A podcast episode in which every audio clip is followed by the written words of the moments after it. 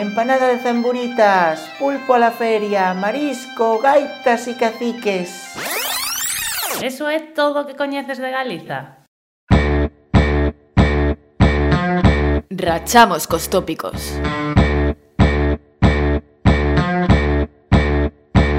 Somos herdeiros dunha dictadura cultural Fomos as víctimas dun ataque brutal Actualidade, feminismo, música, literatura, historia regueiza e moito máis.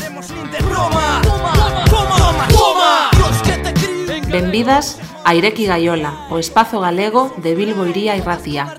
Rianjo, Sanjenjo, Vivero, La Guardia, Órdenes, Buen Muerto, Puerto Sin, Puerto Son, dime cantos son, son, un, dos, tres, cuatro, cinco, seiscientos anos de represión.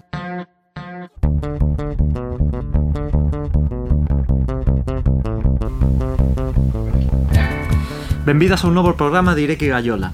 Hoxe Drei e máis eu, Brais, retransmitimos desde o 96.0 da FM en Bilbo Iría e Ratia. Benvida tamén se nos estás a escoitar desde o streaming da súa web, no podcast de arquivo ou na plataforma iVox. Ongi etorri gau ireki gaiolaren programa berrira Brais eta biok Drei FM laurogeita masei.zerotik, Bilbo iria irratian emitziten duguna. Ongi etorri zure webuneko streamingetik, artxiboko podcastean edo iVox plataforman entzuten ari bazara ere. Garai berri bat hasi da Ireki Gaiola irreta saioan. Sasoi honetan, informazioa eta diversioa zudabetzat izango dira Euskal Herria dagoen Galizako enbaixada honetan. Arrancamos unha nova xeira do que Teima en Sede un espazo de, inf de información e divertimento de xeito de embaixada radiofónica galega en Euskal Herria. E sen máis, pasamos ao sumario.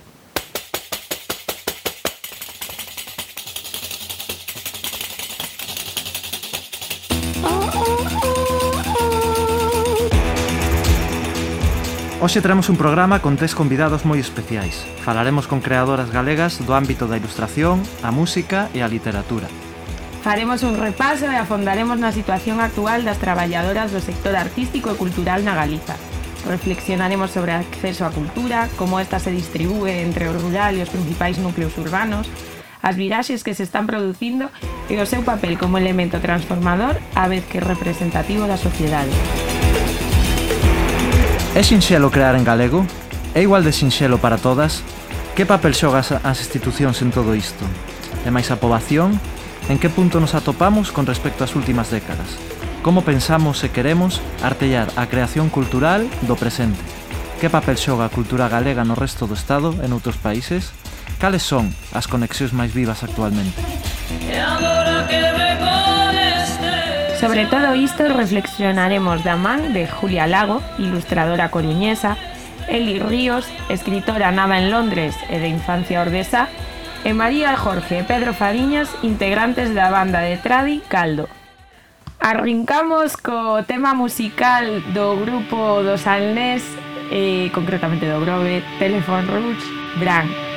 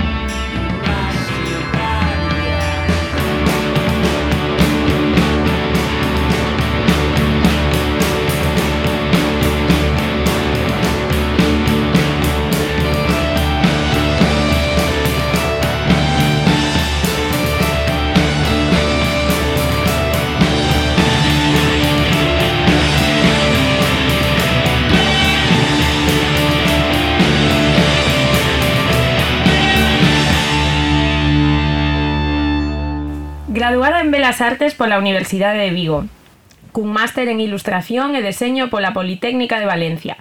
Combina produzo, produción propia con proxectos editoriais e publicitarios.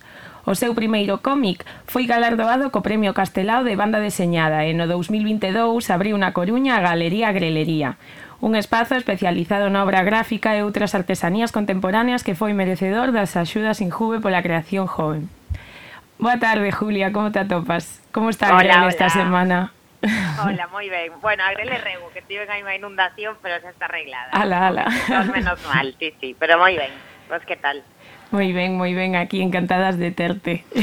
Sí, encantadas de, eh, de terte e de preguntarche cousiñas, claro. Súper, súper. Eh, como, como nace este proxecto? Como se nos podes contar un pouco?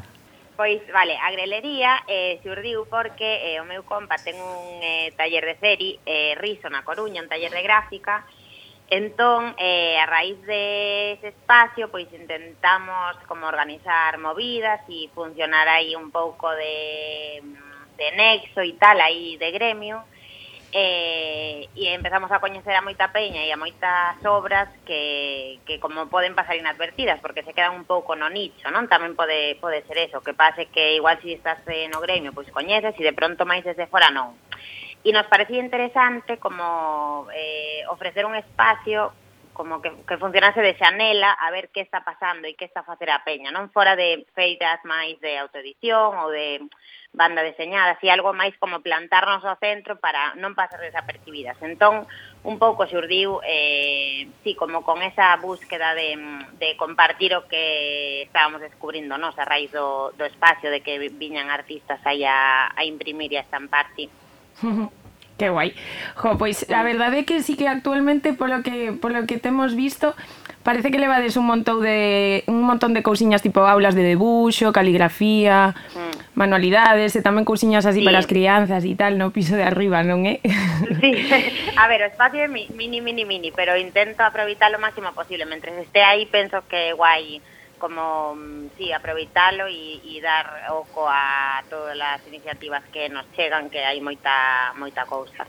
Sí, ti dirías que mm, que en plan así co, co tempo que levades currando nisto e tal dirías que é posible entender a ilustración como método así de conversa e creación e reflexión nas, nas cidades? Sí, total. O sea, máis que ilustración tamén creo que auto, autoedición, eh, como que ten intrínsecos uns valores eh, moi guapos e moi honestos. Entón me parece moi interesante xuntar mm. a esa peña que está tan enamorada da súa bueno, non sei, do seu proxecto ou, de, ou, desa, ou dese activismo, simplemente dese diálogo e tal, e, e creo que sí, que ten moito moito oco para, para partillar e para o compartir, sí. E, e Julia, tedes, tedes atopado diferencias eh, eh, en canto ao rural ou a cidade a hora de levar a cabo este tipo de proxectos? Sí, é que, mira, xe directamente o que vos contaba do taller, eh, eu xa no taller estaba organizando rollos, eh, máis dos que debería, porque como que meu compa estaba tipo, deixame currar, que este o meu espacio de traballo, pero eu intentaba facer aí como mercadillos, eh, conciertos, tal. Claro, xa directamente eh, este taller que non está no centro, se acostaba levar ali a xente que non fose exactamente como deste gusto. E a mí me parece moi guapo como mm, eh, como facilitar eh, convivencias entre distintas persoas a todos los, en todos los ámbitos, en todos los estilos. Entón, como que si vai vir só a peña que xa está conmigo, non me parece tan interesante como si de repente alguén vai pola rúa e, e chega a, ao noso eh, a nosa proposta. Entón, co rural é 100.000 veces isto porque é moi, moi difícil, bueno, e iso que eu eh, ojalá tivese máis eh, presencia no rural, pero bueno, é máis anecdótico que outra cousa, pero si noto que en canto sabes un pouco aí do meollo, eh, todo se complica bastante, si, en canto a chegar aí a públicos máis diversos. Que, bueno, todo ten a súa gracia, e quizáis eh, cheguemos a conseguir algo no rural, pero polo momento me parece eh, un paso que aínda non estou preparada para dar. jo, eh, merguñando despois un pouquiño máis na túa obra, Julia, ademais de toda o tema de ilustración que ves de publicar e todos os proxectos que tes levados a cabo, a túa inmersión no campo de, da narrativa gráfica e, e o cómic nos seis levou o premio Castelao de banda deseñada en, de feito no 2021. Este cómic nace como, bueno, corríxeme se me equivoco, eh? como unha busca de narrar as vivencias da túa boa e cinco amigas nun internado en Valladolid durante a súa infancia, non? Podes contarnos sí. un pouquiño máis?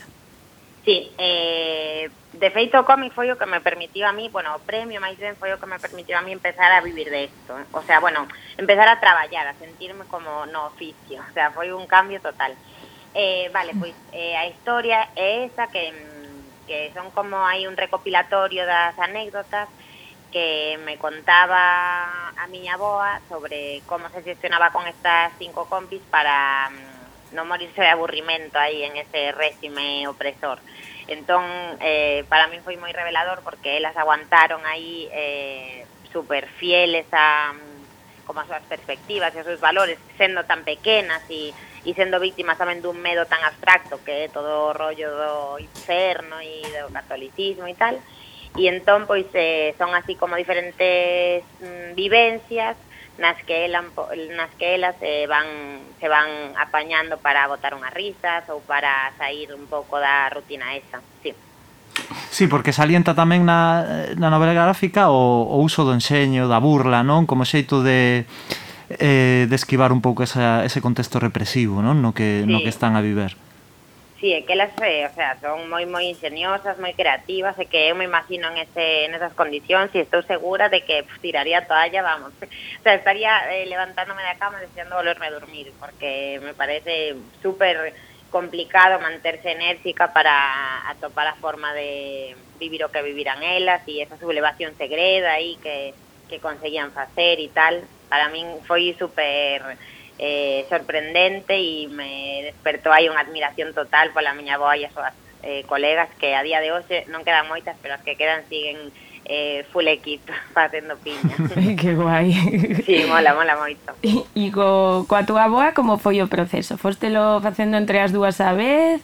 A historia, digamos que ao estar aí xa de antes, fuchela ti eh, fuchese ti dando forma ou como como foi pois o proceso mira, creativo? Foi eh, primeiro, eh, como que falamos moitas horas eh, desa temporada e eu ia tomando apuntes uh -huh. eh, así das cousas que me parecían máis eh, mm, non interesantes, porque todo era interesantísimo, pero como eh, que fora máis fáciles de traducir a gráfica.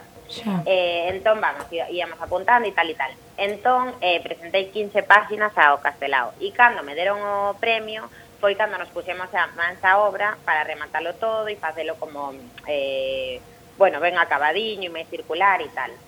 Eh, E entón aí sí que como tiven que facer máis unha entrevista porque había cousas que a ela lle parecían a Osi, me repetía un montón e igual non eran tan tan eh, claras para o cómic ou igual eh, eran máis eh, como, bueno, lembranzas así máis eh, abstractas e tal.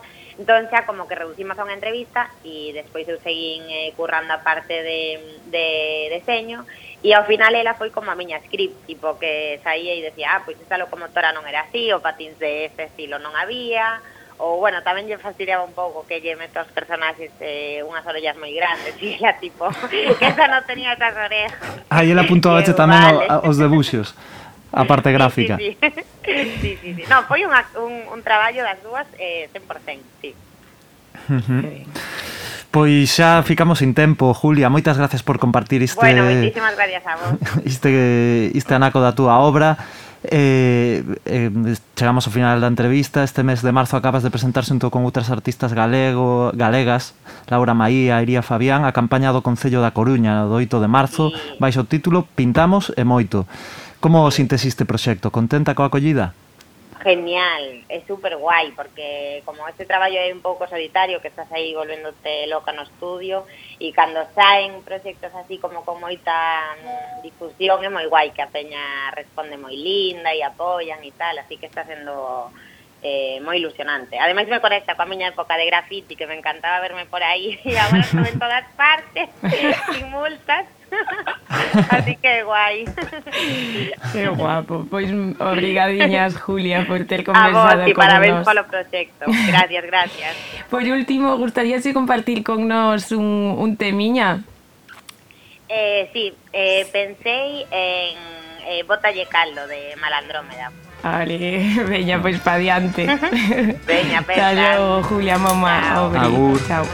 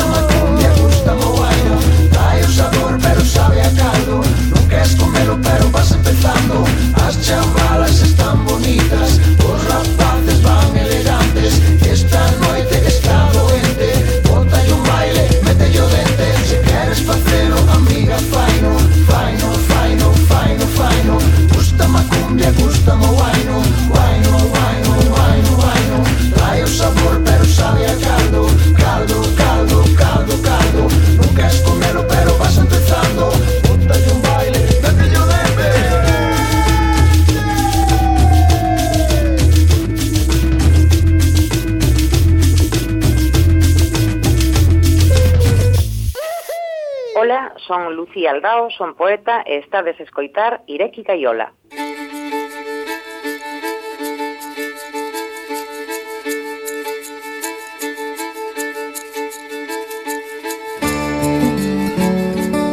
Eli Ríos é unha escritora galega nada en Londres que medrou no Concello de Orbes. Dende ben nova declinou de diferentes xeitos a súa escrita, poesía, ensaio e novela, Pasou tempadas en territorios lusófonos e dende hai uns anos se asentou ela non lo dirá, en Castrolviña, onde tamén traballa como mestra de galego. Ten gañado un feixe de premios polas súas obras e ten sido parabenizada pola crítica polo seu persoal escrito de estilo de escritura.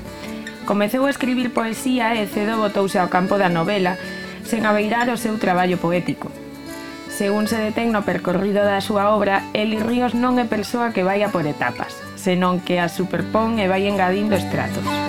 A final do 22, a editorial Consoni, afincada en Bilbao, publicou unha traducción ao castelán da súa novela Luns, que tivera gañado no 16 o, prim, o, prim, o premio de novela Torrente Ballester.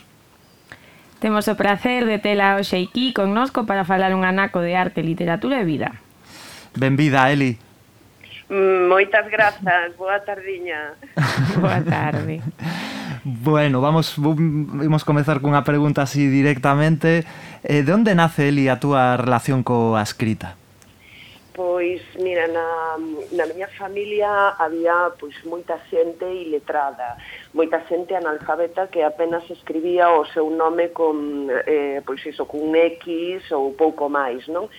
eh, pero xustamente estas persoas que non coñecían a escrita eran magníficas contadoras e unha das persoas que máis marcou a miña vida foi o meu avó eh, eu cando cheguei á carreira eu xa coñecía os contos de Dieste, xa coñecía as historias das peiras, dos lobos, porque xa lles escoitara meu avó.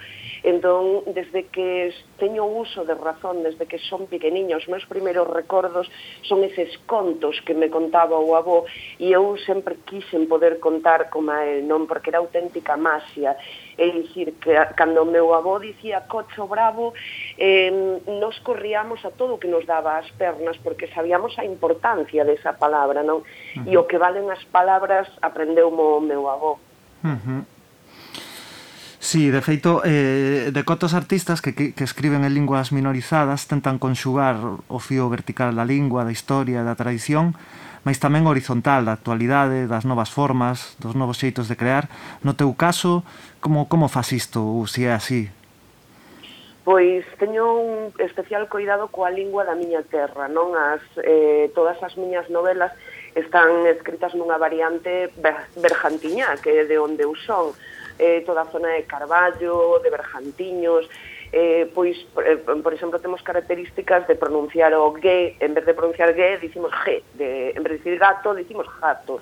E temos unhas palabras moi específicas e procuro sempre recuperalas na, na lingua, non? Eh, acontecía, por exemplo, no Ceo das Reixas que eh, teño unha palabra que é alfaciña, E entón eh, a correctora, que non era da miña zona lingüística, dicíame, uh -huh. non, non, que isto é do portugués. Eu dicía, non, é unha leituja que hai na zona de, de Berjantiños. E, e, bueno, fixemos aí toda unha procura lingüística e tal, e ao final deixaronme manter esta, esta palabra, non de recuperación, porque ao final se perdemos as nosas palabras tamén perdemos a nosa cultura, uh -huh. eh, perdemos eh, algo que non é moi propio, non? Como dicía, non? Eh, somos eh, o que somos grazas a nosa fala, non?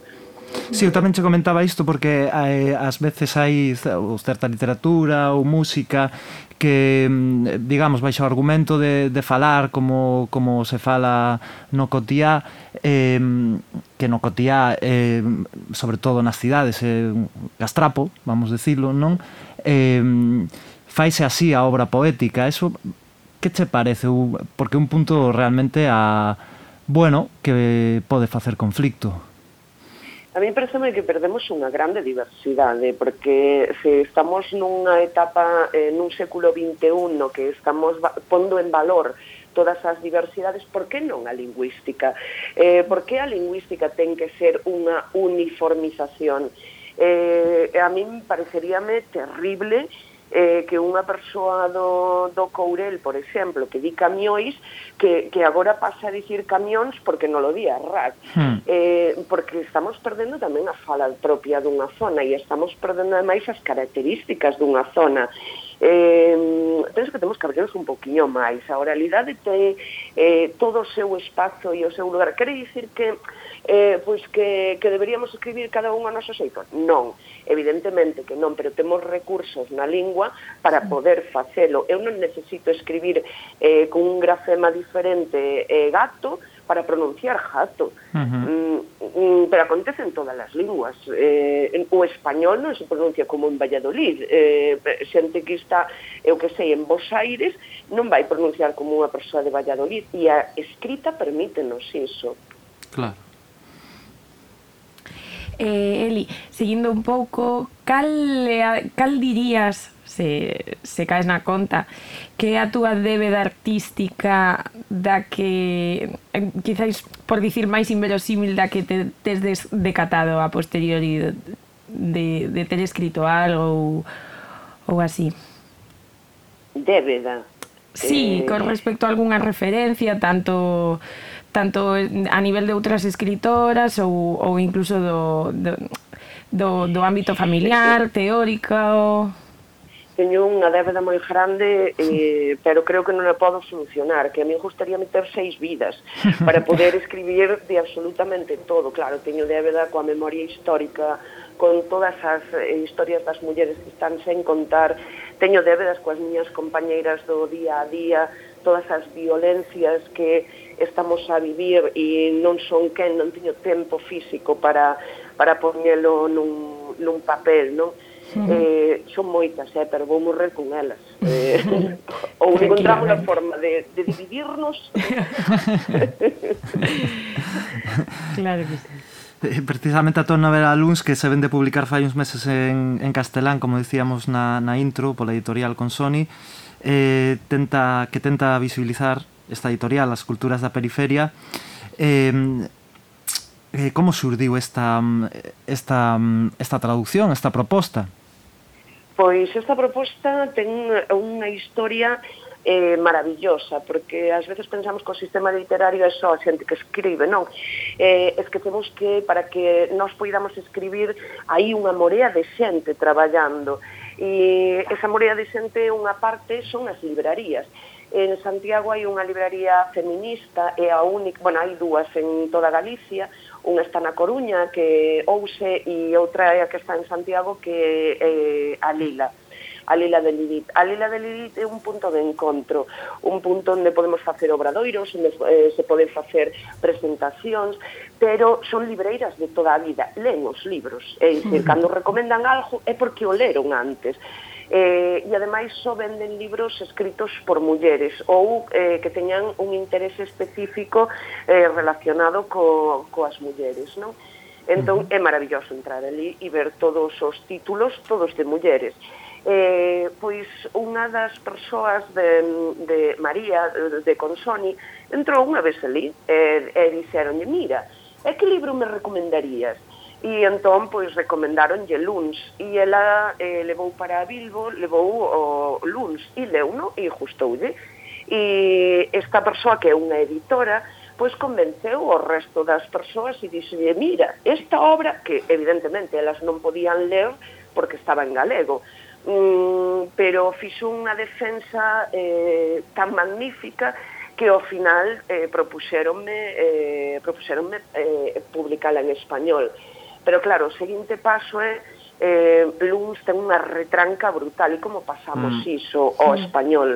Eh, entón preguntaronme se había algunha persoa que puidese pois, eh, facer unha boa traducción e recomendeilles a María Reimondes. Entón, aí comeza un proceso no que falan con María, María xa coñecía o texto, eh, María é eh, unha traductora profesional, é do que vive, non? De, de, de facer traducción, e eh, pois foi para diante e ao final pois quedou aí un obxecto maravilloso que eu tiven que estudar, eh, porque eu había cousas que non sabía. Eh, uh -huh. que fixo fixo unha adaptación, uh -huh. eu non sabía que que había expresións como de ir tomar o vento ás farolas de Granada, que eu nunca sabía porque eran importantes as farolas de Granada, pero funo, funo aprendendo con este libro, non? Entón, é unha traducción na que todas as persoas nos alimentamos e retroalimentamos. Está viva, eh, porque eu aprendindo o meu propio libro, non? Mm, é pois un pouco unha obra colectiva tamén, nese sentido. Eh, todo, sempre, sempre. Eh, é, a, é está escrita, está escrita en conxunto, non? Porque despois está tamén a ilustración de Suta Lallero, que é unha intervención Eh, que eu nin esperaba, nin imaginaba que podía facer esa portada, non? E toda a reflexión que te por detrás. E despois isto de ver un edificio pintado en Bilbao co, co, co diseño de Luns, a min deixoume a banear, en plan, mi madriña o que fai esta xente. bueno, pois pues, cando se traduza a túa retranca galega ao euskaro vai estar un, un edificio, casco bello inteiro bueno, isto xa foi, xa foi chegoume ao corazón porque ademais parece ser que un eu non o coñecía, pero parece ser que é un festival que se fai todos os anos e para eh, eh, pois, so, eh, poñer en valor todo o pequeno comercio dun barrio, non? Entón, eh, pois aí estaba xente de Pícara Magazine, estaba xente de Consoni, e son actividades que sacan á rúa, Entón, eh, coa presentación da, da intervención de Suta Lallero, aparecía o libro de Luns e eh, convidaban a un vermú, que a min parece fantástico. Como galega que son, o da comida e a bebida a min parece mar maravilloso. Si, sí, aí non cambia moito a cousa, eh? bueno, sei que, sei que en Jaleo temos algo que ver aí, que sei que hai un barrio aí eh, que montamos a base de... de sí, sí. Un e cinco tamén. Sí. sí, sí. O barrio ilegal de Bilbao. Bueno, ahora xa, xa, xa non é ilegal, pero no tempo foi. Xa, o que pasa, o que pasa que xa sabes que a xente galega gusta nos moito mover os marcos. Eh. Claro. Eh, estamos estamos, sí, sí. Bueno, Eli, fai uns, fai uns meses presentouse a GE, vai, a Asociación Galega de Escritores, por, por un escritor galego que vive en Madrid eh, escribe en castelán, é unha escritora madrileña que vive en Madrid e eh, que escribe no idioma de Madrid. Suso de Toro escribiu un artigo ao redor do tema titulado Escritores madrileños en, en misión de provincias. Que, sí. que opinión tes ao respecto? Non coincido en todo no que dixo Suso, pero na idea, na idea básica sí, non? Eh, volvemos outra vez a colonizar as provincias eh, eh, é dicir, a territorio da escrita, o sistema literario, eh, é moi determinado. E eh, isto é como se eu teño unha leira. E na miña leira, pois, plantamos unhas patatas. E dicimos, bueno, pois, imos compartir, non? O 50-50 coa viciñanza do lado, pois, pois sí, compartimos, pero cando a miña leira é máis pequena e me segues propoñendo o 50-50, cando estás collendo o meu tractor e utilizando os meus recursos e sigues propoñendo que repartamos a 50-50, eh, creo que non é xusto. Eh, nós temos un territorio limitado, temos un electorado limitado, temos un, unhas empresas limitadas, eh, temos un sistema editorial limitado e é eh, precisamente cunhas características que son a lingua eh, si ves mm, de outro sistema eh, a ocupar o meu pequeno espazo uh -huh. e encima o faz nunha lingua foránea que está matando a nosa lingua, falabades antes do castrapo, non? Uh -huh. eh, temos un problema moi grande con, con iso, non? Eh, é a primeira vez este ano que eh, xa non estamos en situación de diglosia, estamos uh -huh. en situación de bilingüismo eh, xa temos máis falantes de español do que de galego. Entón, se ti traes unha eh, proposta de fora e ven nese idioma que nos está a matar e colles os meus recursos, que estas librerías, este espazo, este sistema literario, e non só, senón que incluso cometes ilegalidades, porque precisamente puxeron un nome que xa está registrado desde hai unha porrada de anos, pola Asociación de Escritoras e Escritores en Lingua Galega. Eh, eu boa intención non lle vexo. Uh -huh. Mm, agora, eh, pois, tenemos que ver en que, en que dá a cousa. Eh, polo non menos, hai unha interlocución con eles. Non, non hai. Non, non hai. Non hai porque non interesa. Uh -huh. Mm, os objetivos son totalmente distintos. Os objetivos cando ti queres publicar en español aquí eh, son intereses económicos e espúreos, non tes unha conciencia lingüística. Eh, mm, falábamos antes de Consoni, e unha das cousas que asinei no contrato con Consoni é que non se vai facer en ningún momento un acto de difusión da obra en español. E claro, por que unha editorial eh, euskara vai entender isto? pois porque vive, vive o mesmo problema mm. lingüístico que mm, temos nós. Hai unha conciencia lingüística. Isto non será en Madrid, evidentemente. En Madrid o, o que queren é colonizar as nosas provincias, non?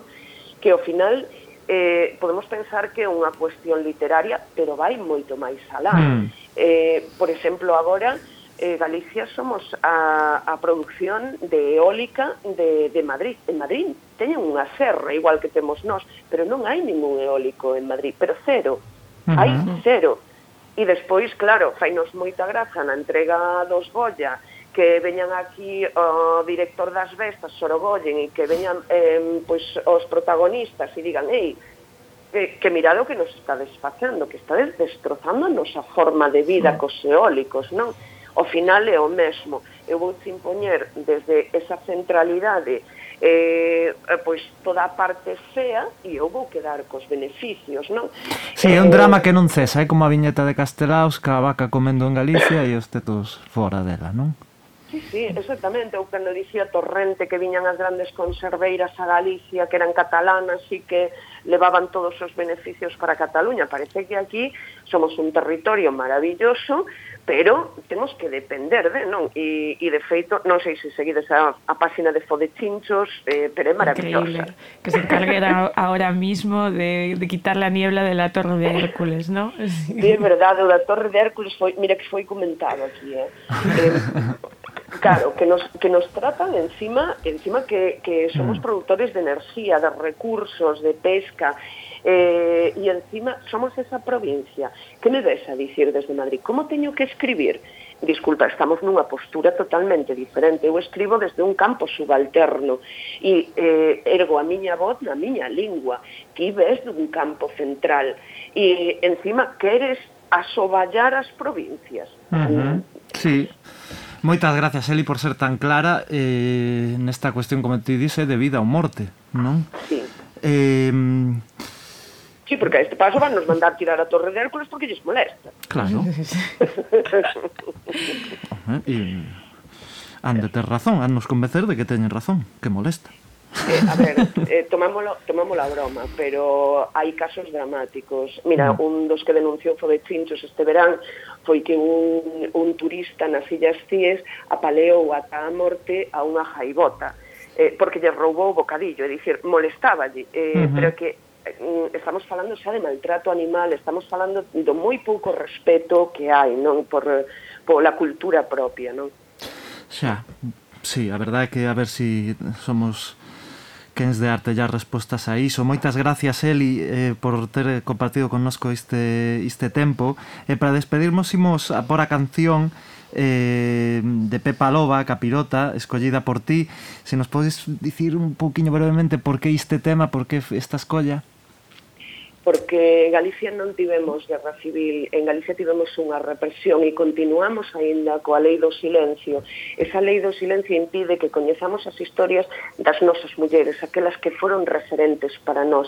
E eh, xente como a Banda da Loba, eh, xente como María Raimonde, xente como Aurora Marco, eh, están a traballar por eh, que as nenas de mañá teñan referentes e referentes de loita, eh, porque non sempre mantivemos silencio e enfrentamos enfrentámonos á vida eh, coñecemos a Robin Hood, pero non coñecemos a Pepa a Loba, hmm. pois igual chega o tempo de poñer en valor o noso, como estades facendo vos aí, como estades facendo na radio, como facemos con Luns, e eh, xuntando un poquinho os esforzos entre todas para eh, darte esta difusión.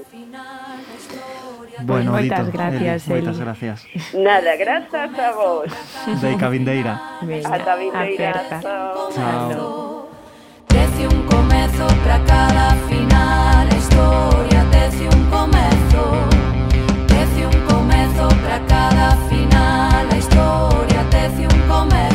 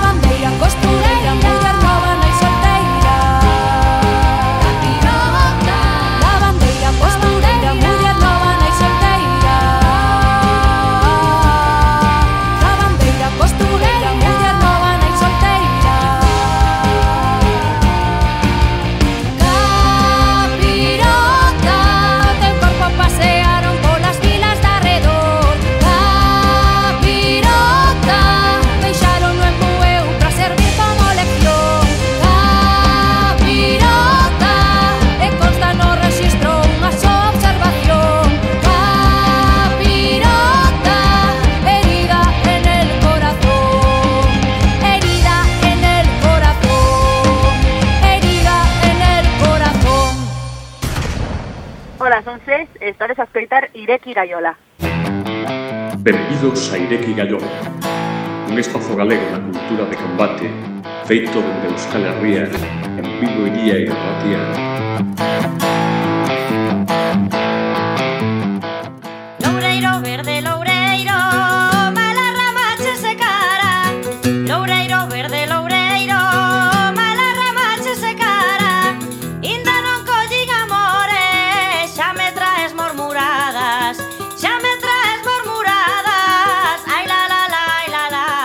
Finalmente temos hoxe con nos a María Jorge, violinista e Pedro Fariñas, guitarrista, integrantes do trío vigués afincado no Valmiñor, Caldo. O proxecto inicialmente constituído por María e Pedro únese a voz e percusión de Anaís Barbier. Publican o seu primeiro traballo en 1910, digo, no, 2019 e eh, reciben o premio o mellor proxecto de música folk nos premios Martín Kodak da Música no ano 2020 e gaña o concurso Fran Pérez Narf no mesmo ano. Actualmente están a traballar na produción do seu segundo álbum que conta con sair esta primavera. Boa tarde os dous, un placer tervos con nós eh, aquí no siglo XXI. Boa tarde. Eh, a miúdo dicides que Caldo comeza eh, como un proxecto feito na casa con tranquilidade. Empregastes no voso primeiro traballo as pezas eh, colleitadas por Xisco Feijó, as informantes eh, Rosa e Aida Garrido, eh, na aldea de Moscoso en Pazos de Borbén. Como foi este proceso de darlle a vosa forma? Que falo eu, Pedro, falas ti. Vale, sí. Vale. Vale que tío eu. Para ti te queres. Vale, nada, rápido. Eh, que nada, realmente cando empezamos a tocar foi porque Pedro e eu coincidíamos en moitas sesións por Vigo e, e ao final como, bueno, que cadrábamos super guai tocando, sempre nos, nos atopamos moi cómodas tocando xuntas e, bueno, tiñamos tamén un pouco a, a mesma maneira de, de entender a música estéticamente, non? Que a veces non é fácil atopar Ujú. isto. E, e bueno, empezamos a tocar, sin máis, de feito o primeiro bolo que dimos foi nunha acera, literalmente dunha rúa e tal, ¿no? como todo moi de andar por casa. Sí, e sí, finalmente, pois bueno, Anaís xa andaba por aí, por compañeira de Pedro, e, e Anaís eu eh, estudiei con ela na ETRAS, eh, que estivemos somos compañeiras en Son Deseo, entón como xa nos coñecíamos as tres, en realidade. E probamos, sin máis, pois bueno, pois eles vivir juntos, probaron algún tema xuntos, ao final metimos a Anaís a colaborar eh, nun tema, logo xa foi en dous, logo foi en tres, que foi prácticamente a metade do primeiro EP, e agora xa quedamos con ela, evidentemente. Uh -huh. eh, estas pezas que mm, eh, recollidas como como as testes vos logo artísticamente? Eh, bueno, o, o, o proceso, como, como ben te contaba un pouco María, pois eh, Anaís ten eh, acceso a unhas grabacións de campo de, de Chisco, uh -huh. neste caso, e bueno, ela como que controla moito ese material, e sempre estaba pola casa escoitando recolleitas, e moitas veces eh, reproducía algunha e eu xa collía a guitarra e a armonizaba por riba, entón que digamos que sempre era como ese primer acercamento a partir das señoras e logo empezamos a bueno, tocalo un pouco na casa, se xunta a María e xa lle dábamos como o re, remate final, non? Uh -huh. Pero bueno, sempre eso, buscando como un, un, un sonido máis actual e máis e máis contemporáneo dentro da, da do, do formato que non que violín, guitarra e voz e, e pandireta ou outras percusións. Uh -huh. Nos concertos soledes ou intentades buscar a mesma intimidade e familiariz, eh, familiaridade que a de vos levou a crear as, voz, as vosas pezas, non é? Ou xa está desvirando un poquinho espazos máis grandes? Sí, a ver, o...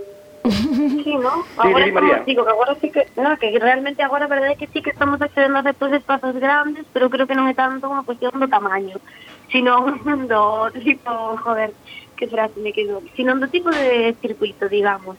Quero dicir que, pois, a nos igual non nos interesa demasiado co formato trío, por exemplo, nos ten pasado pois igual un escenario como Ortigueira que igual te poñen a tocar ás 4 da mañá ou así, pois igual non é o ideal para nós, que temos unha música como que reclama bastante atención, temos moitos silencios, moitas dinámicas, uh -huh. eh, baixas e altas, todo o rato moi cambiantes. entonces ao final, dependendo do ambiente no que, te, no que, no que te estés dando ese, ese bolo, vai a ser posible que a nosa música sexa escoitada ou directamente vai a ser imposible. Así que creo que non é tanto unha cousa de escenarios grandes, uh -huh. sino no tipo de no, ciclos claro. de concertos que sean xa accesibles claro, claro. nese sentido. Sí, últimamente falase un pouco da, da, da, das propostas, de novas propostas que, que misturan o tradicional co, como co actual, digamos. Eh, pero isto eh, vos credes que é unha cousa contemporánea ou que xa xa ten estado aí eh, tempo atrás? Bueno, supoño que eh, son, son como ciclos, non? eh, digamos que nos 80, 90 hubo tamén un boom moi forte da, da música eh, folk, barra celta tamén, non? Eh, con todos os proxectos que, bueno, super importantes para, para a música galega, como Mi, Milladoiro no 70, Berrobueto Carlos Núñez, non? Logo hubo como un, e eh, bueno, e, eh, e eh, moitos máis, hubo como un pequeno baixón, non? pero sí que digamos que nos últimos anos hai como unha, unha búsqueda de, de novo a, a mirar máis hacia o que temos aquí, non?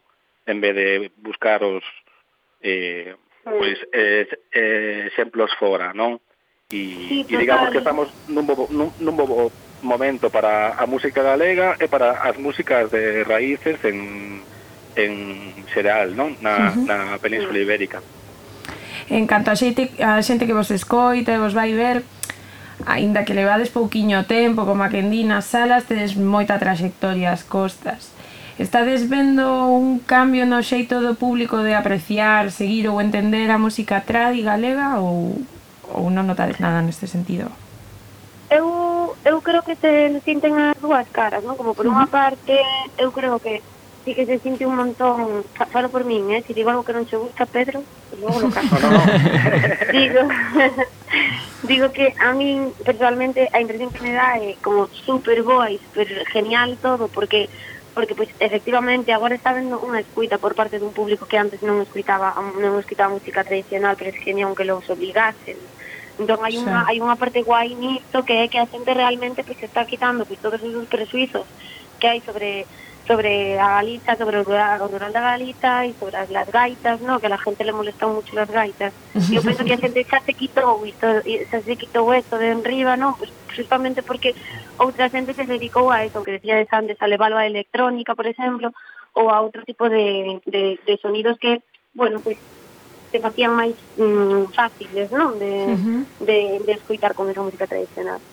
Creo tamén que sigue faltando un pouco de conciencia en cuanto a de onde ven esa música, o traballo que custa Xa. chegar a, a recuperar esas pezas, o Ujú. compromiso que eu creo que todas deberíamos ter co patrimonio inmaterial de alá onde somos ou de alá onde vamos. E eu creo que, bueno, pois creo que é cousa tamén da, da contemporaneidade, non? E destos ritmos rápidos e de, e de, e de da modernidade, esta época posmoderna que estamos vivindo, na que non hai tempo para nada, entón como que penso que falta esa reflexión, non? Esa cousa que no seu momento foi a que fixo que pois de repente existira un género musical que é o folk casi un pouco con intención principalmente de recuperar todas esas melodías que, que estaban a quedar no olvido, non? E transformalas para que cheguen a outro tipo de públicos. Esto sigue pasando agora en outros estilos, pero creo que sí que falta como pues, esta parte de, de reconocimiento e de compromiso un pouco. Ujú. Pedro, non Sí, sei bueno, se tamén ti... Vale, un vale. pouco o que mm. di, dicías María e tamén ese recoñecemento é moi importante tamén que que pois que xorda dende as institucións, non? Que jope, agora estamos de novo pois nun nun, nun boom pois da da música tradicional e folk en Galicia e tamén sentimos que que, que, que non se lle dan a, a importancia que debería, non? Para, para poder fomentar unha industria en torno a isto e que o, o, as músicas e músicos podamos vivir de como músicos escénicos, non? Non sempre, Xa. pois, estar eh, tocando nos escenarios e ao mesmo tempo dando aulas para, para poder sobrevivir, non? Como, pois como pasa en outros países, pois como en Irlanda ou Escocia ou ou Noruega ou Finlandia, non? Que Claro, ou Bélxica ou en xeral no, no norte de Europa, non? Mm. E eh, como diríades que, que convive a música en directo cos espazos nas cidades e no rural? Sentides algunha diferencia neste sentido? Sí.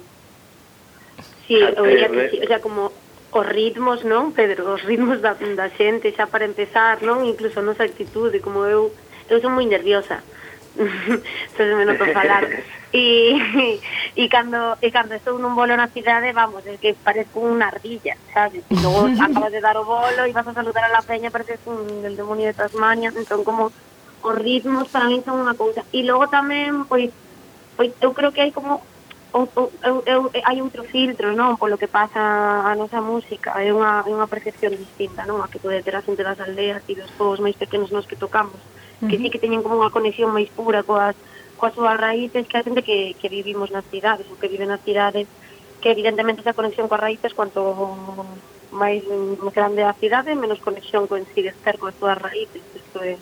Uh -huh. Sí, incluso como que se pode dar, non? Que que vamos a tocar pois a Vigo e ao mellor estamos facendo música tradicional un pouco moderna e, pode, e podemos parecer ata exóticos, non? A veces se dan estas sí, sí. cousas así un pouco raras.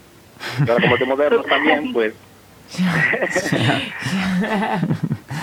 Sei que estades poñendo en marcha un novo traballo Diso falase por aí, polas redes eh, Ides seguir a liña que na que estades Ou ides explorar outros roteiros outras músicas. Si, sí, temos entendido, non? Que algunha de vos ou alguén cercano que tedes por aí que lle mola moito o rollo da produ, e que hai algunha versión dab de algún tema por aí.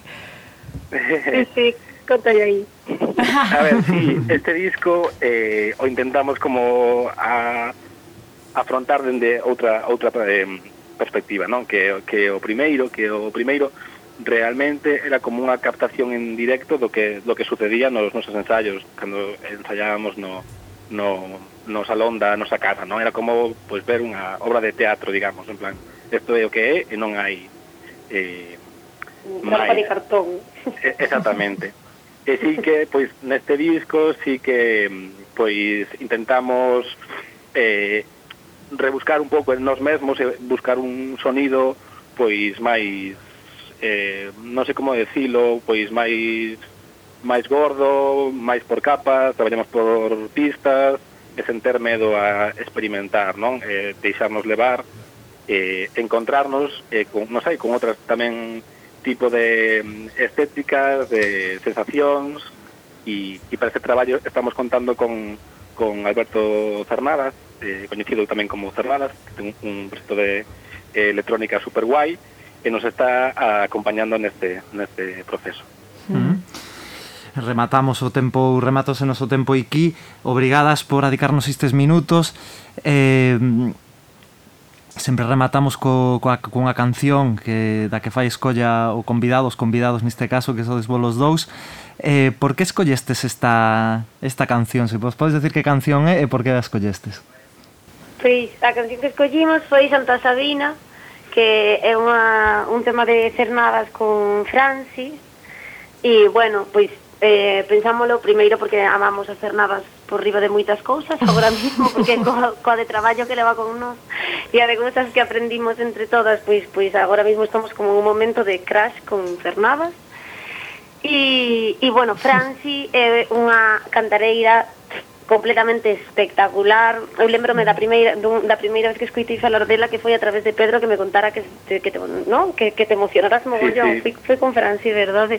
Sí, e me, sí, nos sí, mandaron un vídeo e mi Pedro diciéndome, tía, tía, tía, que es que me echa a llorar, me echa, me echa a llorar, me echa a llorar, porque é realmente impresionante o de Francia, unha pasada. Sí, sí. E logo, bueno, pois ao final é unha é unha super referente da, do mundo das pandereteiras e a min parece, bueno, parece uno de interesante pues, traer esto tamén unha mistura non, do que está pasando, o sea, basicamente unha, unha impresión do que está pasando uh -huh. que esta mistura entre a música tradicional e os sonidos máis máis actuales e máis, e máis electrónicos.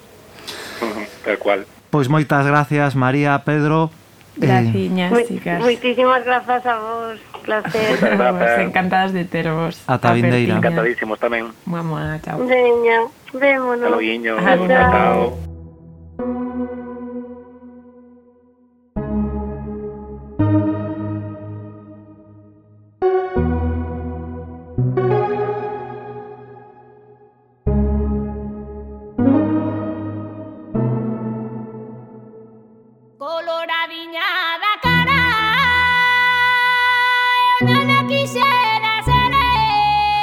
despedímonos, mas non antes en agradecer a Ivón Burgoa, que estivo no control técnico, e a todas vós por estardes máis unha vez connosco a disfrutar de pequenos anacos do mundo social e cultural galego a través de convidadas e convidados estupendos.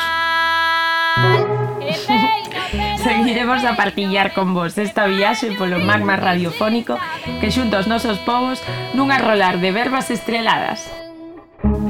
Jarraituko dugu zuekin partekatzen bidai hau irratiko magmatik doana gure bi herrien arteko bidea goxona, goxotasunez elkartzen den bitartean. Muxus! Deika Vindeira. Solo por los malos ojos que me miran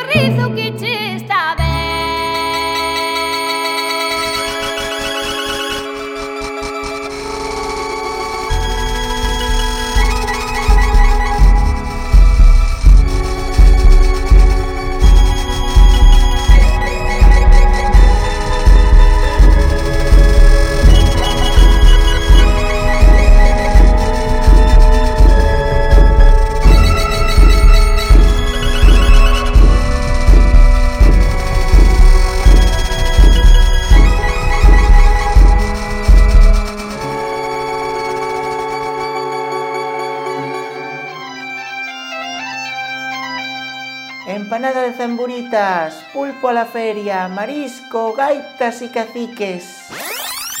Eso é todo o que coñeces de Galiza. Rachamos cos tópicos. Somos herdeiros dunha dictadura cultural Fomos as víctimas dun ataque brutal Contra o noso Actualidade Feminismo, música, literatura, historia, regueiza e moito máis. Benvidas a Ireki Gaiola, o espazo galego de Bilbo Iría e Racia. Rianjo, Sanjenjo, La Guardia, Órdenes, Buen Muerto, Puerto Sin, Puerto Son, Dime cantos son, son, un, dos, tres, cuatro, cinco, seiscientos anos de represión.